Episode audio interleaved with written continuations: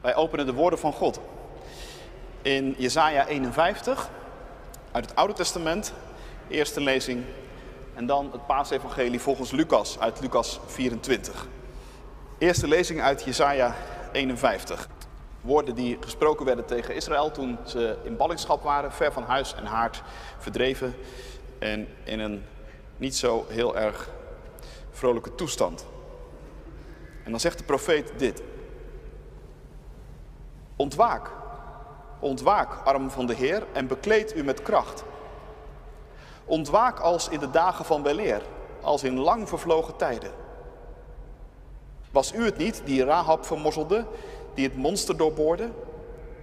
Was u het niet die de zee drooglegde, het water in de diepte, die een weg baande op de bodem van de zee, waarover het verloste volk kon gaan? Wie door de Heer zijn bevrijd, keren terug. Jubelend komen zij naar Sion, gekroond met eeuwige vreugde. Gejuich en vreugde trekken de stad binnen. Gejammer en verdriet vluchten eruit weg. Ik, ik ben het die jullie troost. Hoe kun je dan bang zijn voor een sterveling, voor een mensenkind dat vergaat als gras? Hoe kun je de Heer vergeten die je gemaakt heeft, die de hemel heeft uitgespannen en de aarde gegrondvest? Hoe kun je je zo laten beheersen door angst voor de toren van je belagers en voor hun pogingen je te vernietigen? Waar blijven die belagers met hun toren? Weldra wordt de geketende bevrijd. Hij zal niet sterven, niet afdalen in het graf. Het zal hem aan niets ontbreken. Ik, de Heer jullie God, die de zee opzweep zodat de golven bruisen, wiens naam is Heer van de hemelse machten. Ik leg je mijn woorden in de mond en bescherm je met de schaduw van mijn hand. Ik, die de hemel geplant heb en de aarde gegrondvest, en die tegen Sion zeg, mijn volk ben jij. Tot zover de eerste lezing. De tweede lezing is uit Lucas 24, vers 1 tot 12. Maar op de eerste dag van de week gingen ze mij het ochtendgloren naar het graf met de geurige olie die ze bereid hadden. Bij het graf aangekomen zagen ze echter dat de steen voor het graf was weggerold. En toen ze naar binnen gingen, vonden ze het lichaam van de Heer Jezus niet. Hierdoor raakten ze helemaal van streek. Plotseling stonden er twee mannen in stralende gewaden bij hen. Ze werden door schrik bevangen en sloegen de handen voor hun ogen. De mannen zeiden tegen hen: Waarom zoekt u de levenden onder de doden? Hij is hier niet. Hij is uit de dood opgewekt. Herinner u wat hij gezegd heeft toen hij nog in Galilea was? De mensenzoon moet worden uitgeleverd aan zondaars. Hij moet gekruisigd worden en op de derde dag opstaan. Toen herinnerde zij zich zijn woorden. Ze keerden terug van het graf en gingen aan de elf en aan alle anderen vertellen wat er was gebeurd. De vrouwen die, bij, die het graf bezochten waren Maria uit Magdala, Johanna, Maria de moeder van Jacobus en nog enkele andere vrouwen die hen vergezelden. Ze vertelden de apostelen wat er was gebeurd, maar die vonden het maar kletspraat en geloofden hen niet. Petrus echter stond op, rende naar het graf. Hij bukte zich om te kijken, maar zag alleen de linnendoeken liggen. Daarop ging hij terug, vol verwondering over wat er was gebeurd. Tot zover de tweede lezing vanochtend. Dit zijn de woorden van God, gemeente, voor ons vandaag, voor jou, voor u, voor mij. Gelukkig zijn we als we die woorden horen, dat bewaren in ons hart en daaruit leven. Halleluja. Amen.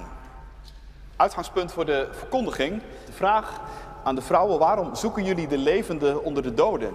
Hij is niet hier. Hij is uit de dood opgewekt. Herinner je wat hij gezegd heeft toen hij nog in Galilea was? De mensenzoon moest worden uitgeleverd aan zondaars en moest gekruisigd worden en op de derde dag opstaan. Toen herinnerden ze zich zijn woorden. Pasen, een vraag, een opdracht en een geschenk.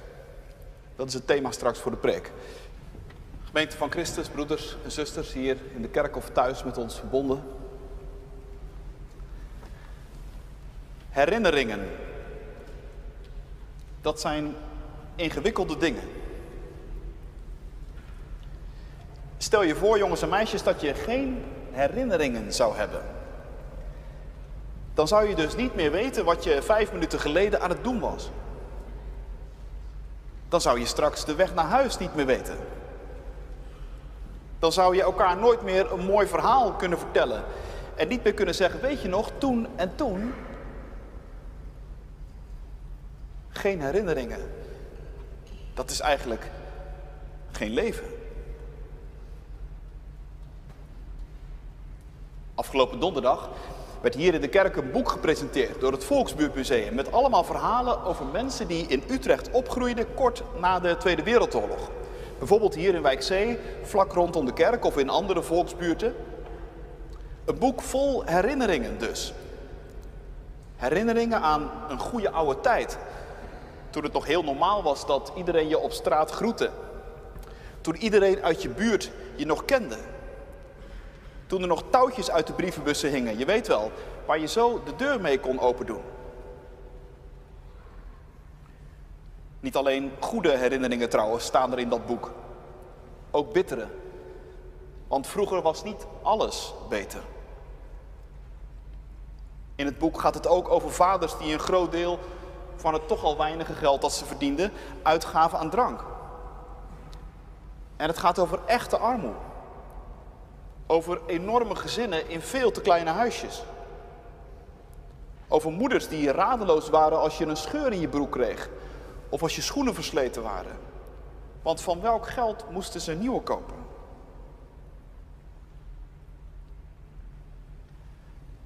Herinneringen dus.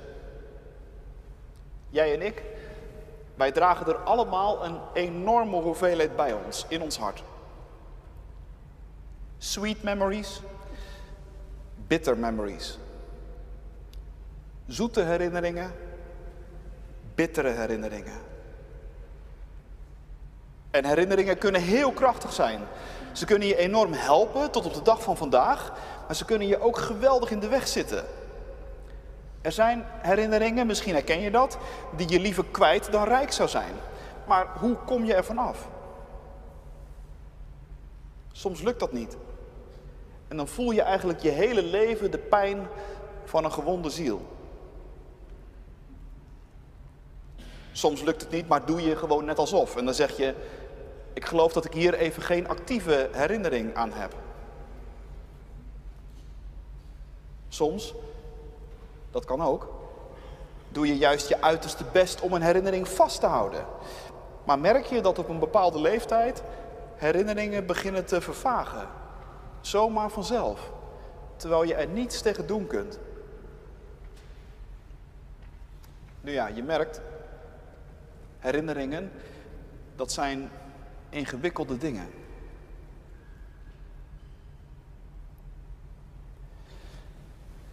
De evangelist Lucas is de enige die in zijn paasevangelie het werkwoord herinneren gebruikt. Het klinkt als een opdracht uit de mond van een engel. Herinner je wat hij tegen jullie heeft gezegd? Tegen wie heeft die engel dat? Tegen een groepje vrouwen. Vrouwen die op de paasmorgen onderweg waren naar het graf van Jezus. Met een hoofd vol herinneringen, daar kun je gerust van uitgaan. Herinneringen natuurlijk aan de dagen die daarvoor gebeurd waren. Aan alles wat er was gebeurd met Jezus. En waar ze nog steeds niet van waren bijgekomen. Hoe het zo helemaal fout gelopen was rondom Jezus. Jezus die ineens gevangen genomen was. Helemaal klem was komen te zitten in een, in een dubieuze rechtszaak. Veroordeeld werd en binnen een mum van tijd aan een kruis hing. Bittere herinneringen dus. En extra bitter omdat het over Jezus ging. Jezus. Aan wie deze vrouwen ook zulke andere, zulke goede en prachtige herinneringen hadden. Aan zijn daden, aan zijn woorden, aan wie hij was, aan de hoop die hij in hun hart opnieuw had weten aan te steken, aan het geloof dat in zijn nabijheid weer helemaal nieuw werd en sprankelend, aan de liefde die altijd maar van hem uitging. Nu ja, ik denk, al die herinneringen dragen deze vrouwen bij zich op die vroege morgen. Want dat Jezus er niet meer is, daar willen ze nog niet aan. En daarom gaan ze op pad om zijn lichaam te balsemen. Het laatste wat ze nog voor een dode Jezus kunnen doen. Maar wat blijkt? Zelfs dat laatste wordt hen niet gegund. Aangekomen bij het graf vallen ze van de ene in de andere verbazing. Het graf blijkt open tot hun verrassing. En binnen is niet Jezus tot hun grote schrik. Wat is hier gebeurd? De vrouwen raken van streek, zegt onze Bijbelvertaling, maar dat is tamelijk zacht uitgedrukt. Lucas gebruikt eigenlijk een woord waar onze woorden pori en apori van zijn afgeleid. En jongens en meisjes, poriën, dat weet je, dat zijn die minuscule gaatjes in je huid waar je huid als het ware doorheen kan ademen. Een porie is in het Grieks een, een openingetje of een, of een doorwaadbare plek. En een aporie, dat is dus een, een niet-opening. Als je een aporie hebt, dan kun je niet verder. Dan is er geen doorwaadbare plaats. Zoals Israël, weet je wel? Ooit, lang geleden, bij de Rode Zee meemaakte. Met voor hen het water, achter hen de farao van Egypte met zijn leger, links en rechts bergen. Kortom, helemaal klem. Dat is het gevoel dat die vrouwen bij zich meedragen op die eerste paasmorgen. Ze kunnen niet verder. Alles blokkeert in hun hoofd en in hun hart.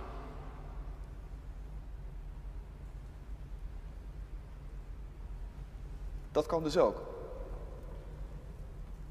En dat kan komen door herinneringen. Want ik zei het net al, herinneringen zijn niet alleen maar dingen uit het verleden. Het zijn ook dingen die vandaag je leven nog heel sterk kunnen bepalen. Herinneringen kunnen je vandaag nog helemaal klem zetten. Bittere herinneringen bijvoorbeeld aan wat jou ooit is aangedaan, misschien wel heel lang geleden.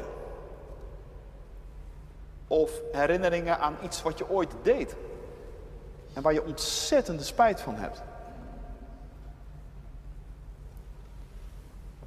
Maar niet alleen bittere herinneringen, ook zoete herinneringen kunnen je klem zetten. Voor je het weet, en misschien herken je dat, bouw je van herinneringen ook een soort van droomwereld. Voor de een is dat de droomwereld van vroeger, toen misschien de kerken nog stampvol zaten en iedereen gelovig was. Voor iemand anders is het de droomwereld dat de Sovjet-Unie nog één was. En voor jou en voor mij is het misschien weer wat anders. Maar jij kent het principe vast. Herinneringen kunnen je ook met een soort roze bril naar het verleden laten kijken. En, en die, kunnen, die kunnen maken dat je zo gefixeerd raakt op wat er toen ooit gebeurd is, dat je eigenlijk niet meer echt in het nu kunt zijn. Laat staan dat je vooruit durft te kijken, de toekomst tegemoet.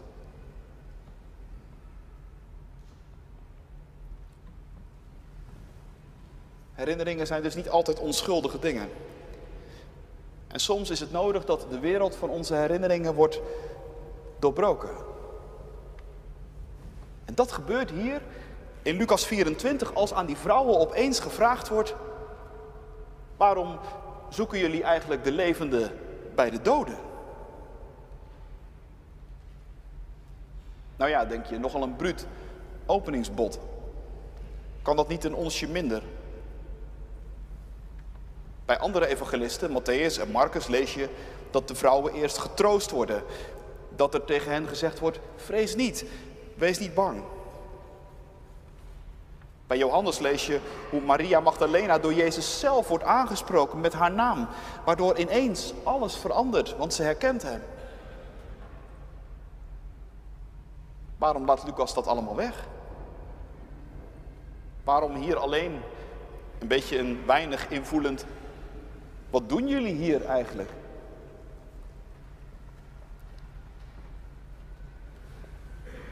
Ik denk omdat soms een scherpe vraag de beste troost is. Want ja, het is een kritische vraag die ons op deze paasmorgen wordt gesteld. Wat zoek je de levende bij de doden? Maar het is ook een hele warme vraag. Het is een vraag uit intense betrokkenheid en liefde. Want die twee engelen zien wat die vrouwen bij zich dragen aan kostbare olie en kruiden. En, ze proeven het verlangen en de toewijding. En, en hoe begrijpelijk het is dat zij Jezus zo zijn laatste, hun laatste eer willen bewijzen. Maar ze zien ook de verwarring in die ogen. En ze zien hoe je als mens kunt vastlopen. Hoe je jezelf klem kunt rijden in de te smalle steeg van de herinneringen. En met deze vraag willen ze daar wat aan doen. Door deze vraag wordt die mist doorbroken. Wat zoeken jullie de levende bij de doden? Merk je wat er gebeurt als je dat doet? Als je God zoekt op de verkeerde plek. Hoe je dan vastloopt. Want alles ademt hier een hele andere taal. Niet die van de dood, maar van het leven.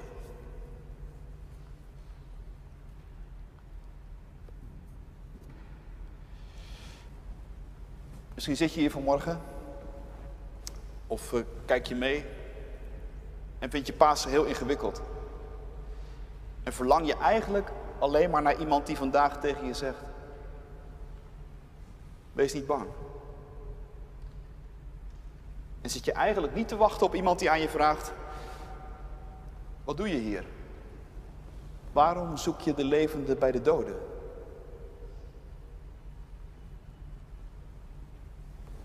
Maar toch zou ik je vanmorgen willen uitnodigen om die laatste vraag bij je binnen te laten komen. Als een kritische, maar tegelijkertijd ook zo warme en betrokken vraag.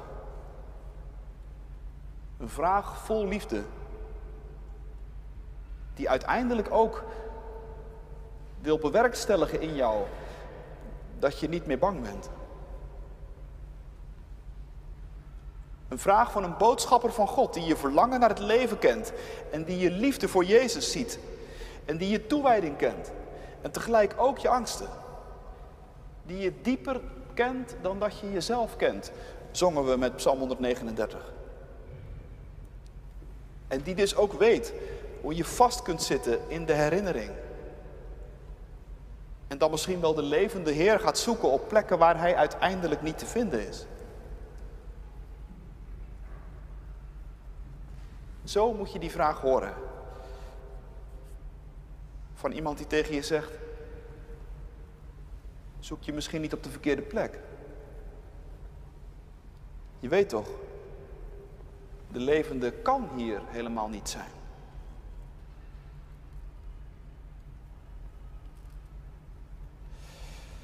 Nu, de vraag waarom zoeken jullie de levende bij de doden, die, die breekt dus iets open. Die wil iets in ons openbreken. Iets heel wezenlijks. Die wil de wereld van onze herinneringen openbreken. Maar daarmee is nog niet alles gezegd. Want je kunt je natuurlijk voorstellen dat je op die vraag antwoordt met, ja waarom niet? Wat zoek je de levende bij de doden? Waarom zoeken we hem daar niet? Iemand die gestorven is, die zoek je toch bij de doden, waar anders? Maar daarom gaan die hemelse boodschappers nog verder. Dit is niet het enige wat ze te zeggen hebben. Pasen is niet alleen een vraag. Pasen is ook een opdracht. Herinner je wat hij tegen jullie gezegd heeft?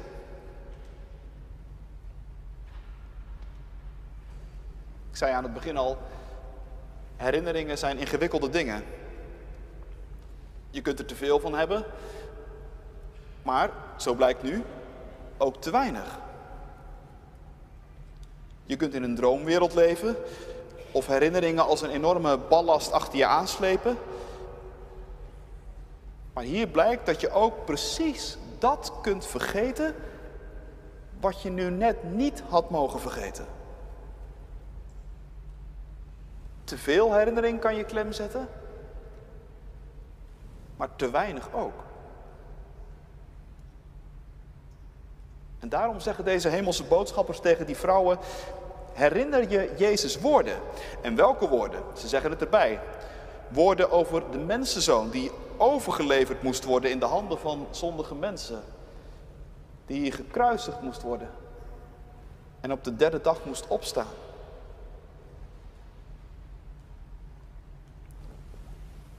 Moest, staat er. In het Lucas-evangelie kom je dat woord vaker tegen. Verderop in dit hoofdstuk vraagt Jezus het ook aan de Emmausgangers. Wisten jullie niet dat de Christus moest lijden? Nu, iets dat moet, dat is altijd onderdeel van iets groters. Ik moest wel ja zeggen toen ze me vroegen, zegt een vriend tegen je. Want je kent me toch? Ja, zeg je natuurlijk, ik ken je. En ik begrijp het. Jij moest wel ja zeggen. Hier is het niet anders. Dat Christus moest lijden, sterven en opstaan. Dat is onderdeel van iets groters, wil de evangelist ons zeggen. Het is onderdeel van Gods grote, noem het kosmische plan om ons en onze wereld te redden.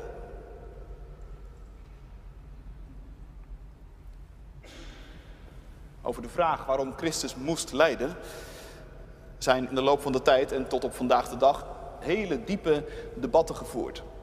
Waarbij het er behoorlijk scherp aan toe kon gaan. Maar over de vraag waarom Christus moest opstaan, veel minder. Terwijl dat hier toch het springende punt is.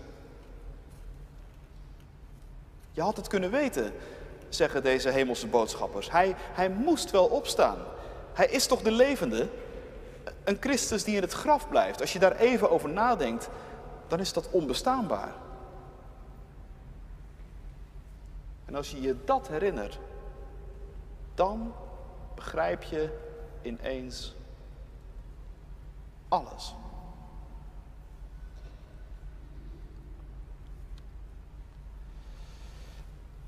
Ja, maar zeg je, dat kun je nu wel zo mooi tegen me zeggen vanmorgen, dat hij de levende is en dat ik de levende niet bij de doden moet zoeken, maar waar dan wel? Je kunt wel tegen me zeggen dat ik, dat ik me zijn woorden opnieuw moet herinneren, maar hoe dan? Ik vind Pasen nog steeds tamelijk onbegrijpelijk. Ik kan er niet bij, het is me te groot. Ik begrijp die vrouwen wel, die niet verder kwamen dan hun eigen herinnering.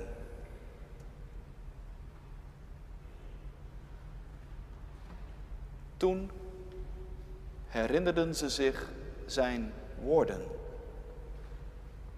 schrijft Lucas. Dat zinnetje moet je onderstrepen.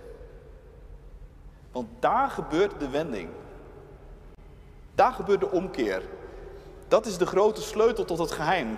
De opening naar de toekomst. En eigenlijk staat er, toen werden zij aan zijn woorden herinnerd. En dan denk je dat is een kleinigheid, maar toch is het cruciaal. Want inderdaad, Pasen begint met een scherpe vraag. Waarom zoek je de levende bij de doden? En ja, Pasen is ook een opdracht. Herinner je wat hij tegen jullie heeft gezegd? Maar nee, het is geen opdracht om jezelf aan je eigen haren uit het moeras te trekken. Toen werden zij aan zijn woorden herinnerd. Dat is dus passief. Het gebeurt aan je. Vandaag zeg ik, de opgestaande Heer doet dat aan je.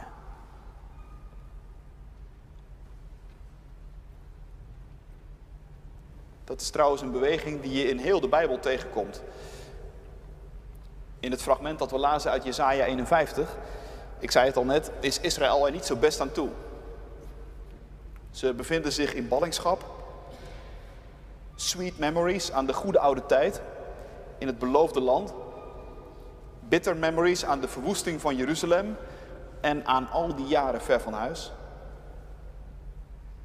Je kunt de ballingschap gerust het grote trauma noemen van het Oude Testament. Niemand die meer weet hoe dit ooit nog goed komt. Maar dan komt God. En die zegt via zijn profeet: Ik ben het. Ik ben het die jullie troost.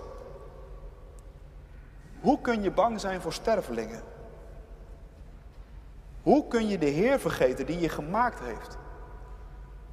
Hoe kun je je zo laten beheersen door angst? Met andere woorden, jullie kennen mij toch? Ik ben toch de Heer van de hemelse machten? Herinneren jullie je dat niet meer? Zijn jullie dat soms vergeten? Je merkt dat zijn vragen van precies hetzelfde soort als de vraag aan de vrouwen. Waarom zoek je de levende bij de doden? En je proeft hoe die woorden raken, juist ook weer in onze tijd.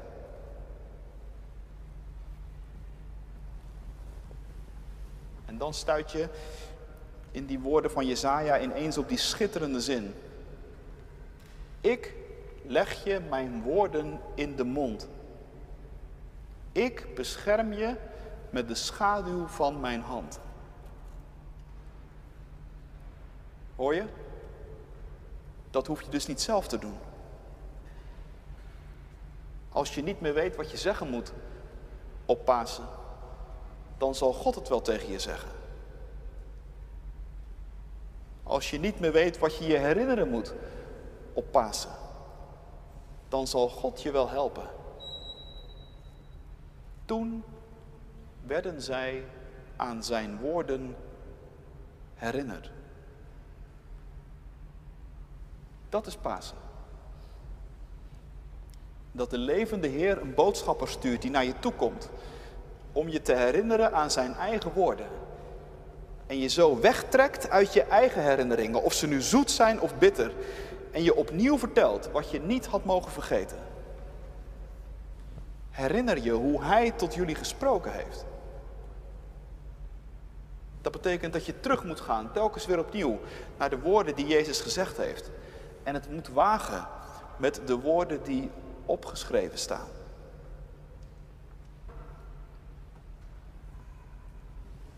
Dat heeft Jezus zelf ook gedaan. Hoe verder hij in de richting van het kruis ging, hoe minder hij overhield, zou je kunnen zeggen. Op weg naar het kruis geen mystieke hoogtepunten, geen gelukzalige gevoelens. Wel angst, wel vertwijfeling. En woorden. Woorden uit de profeten. Woorden uit de psalmen die met Jezus meegingen. En die woorden waren genoeg voor hem om telkens één volgende stap te zetten.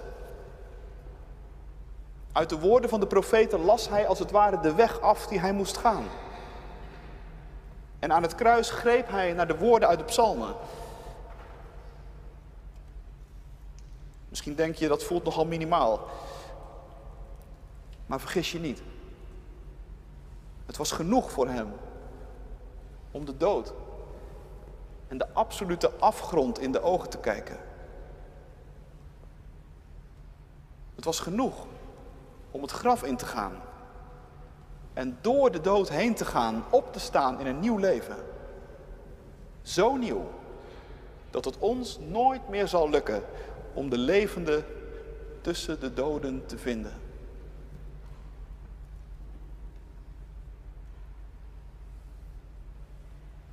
Ik denk, daar ligt ook de sleutel voor ons. Hoe krijg je nou vandaag toegang tot die grote woorden van Pasen? Hoe krijgt het een plek in jouw leven? Op een manier dat je er iets mee kunt. Hoe vind je vandaag de levende?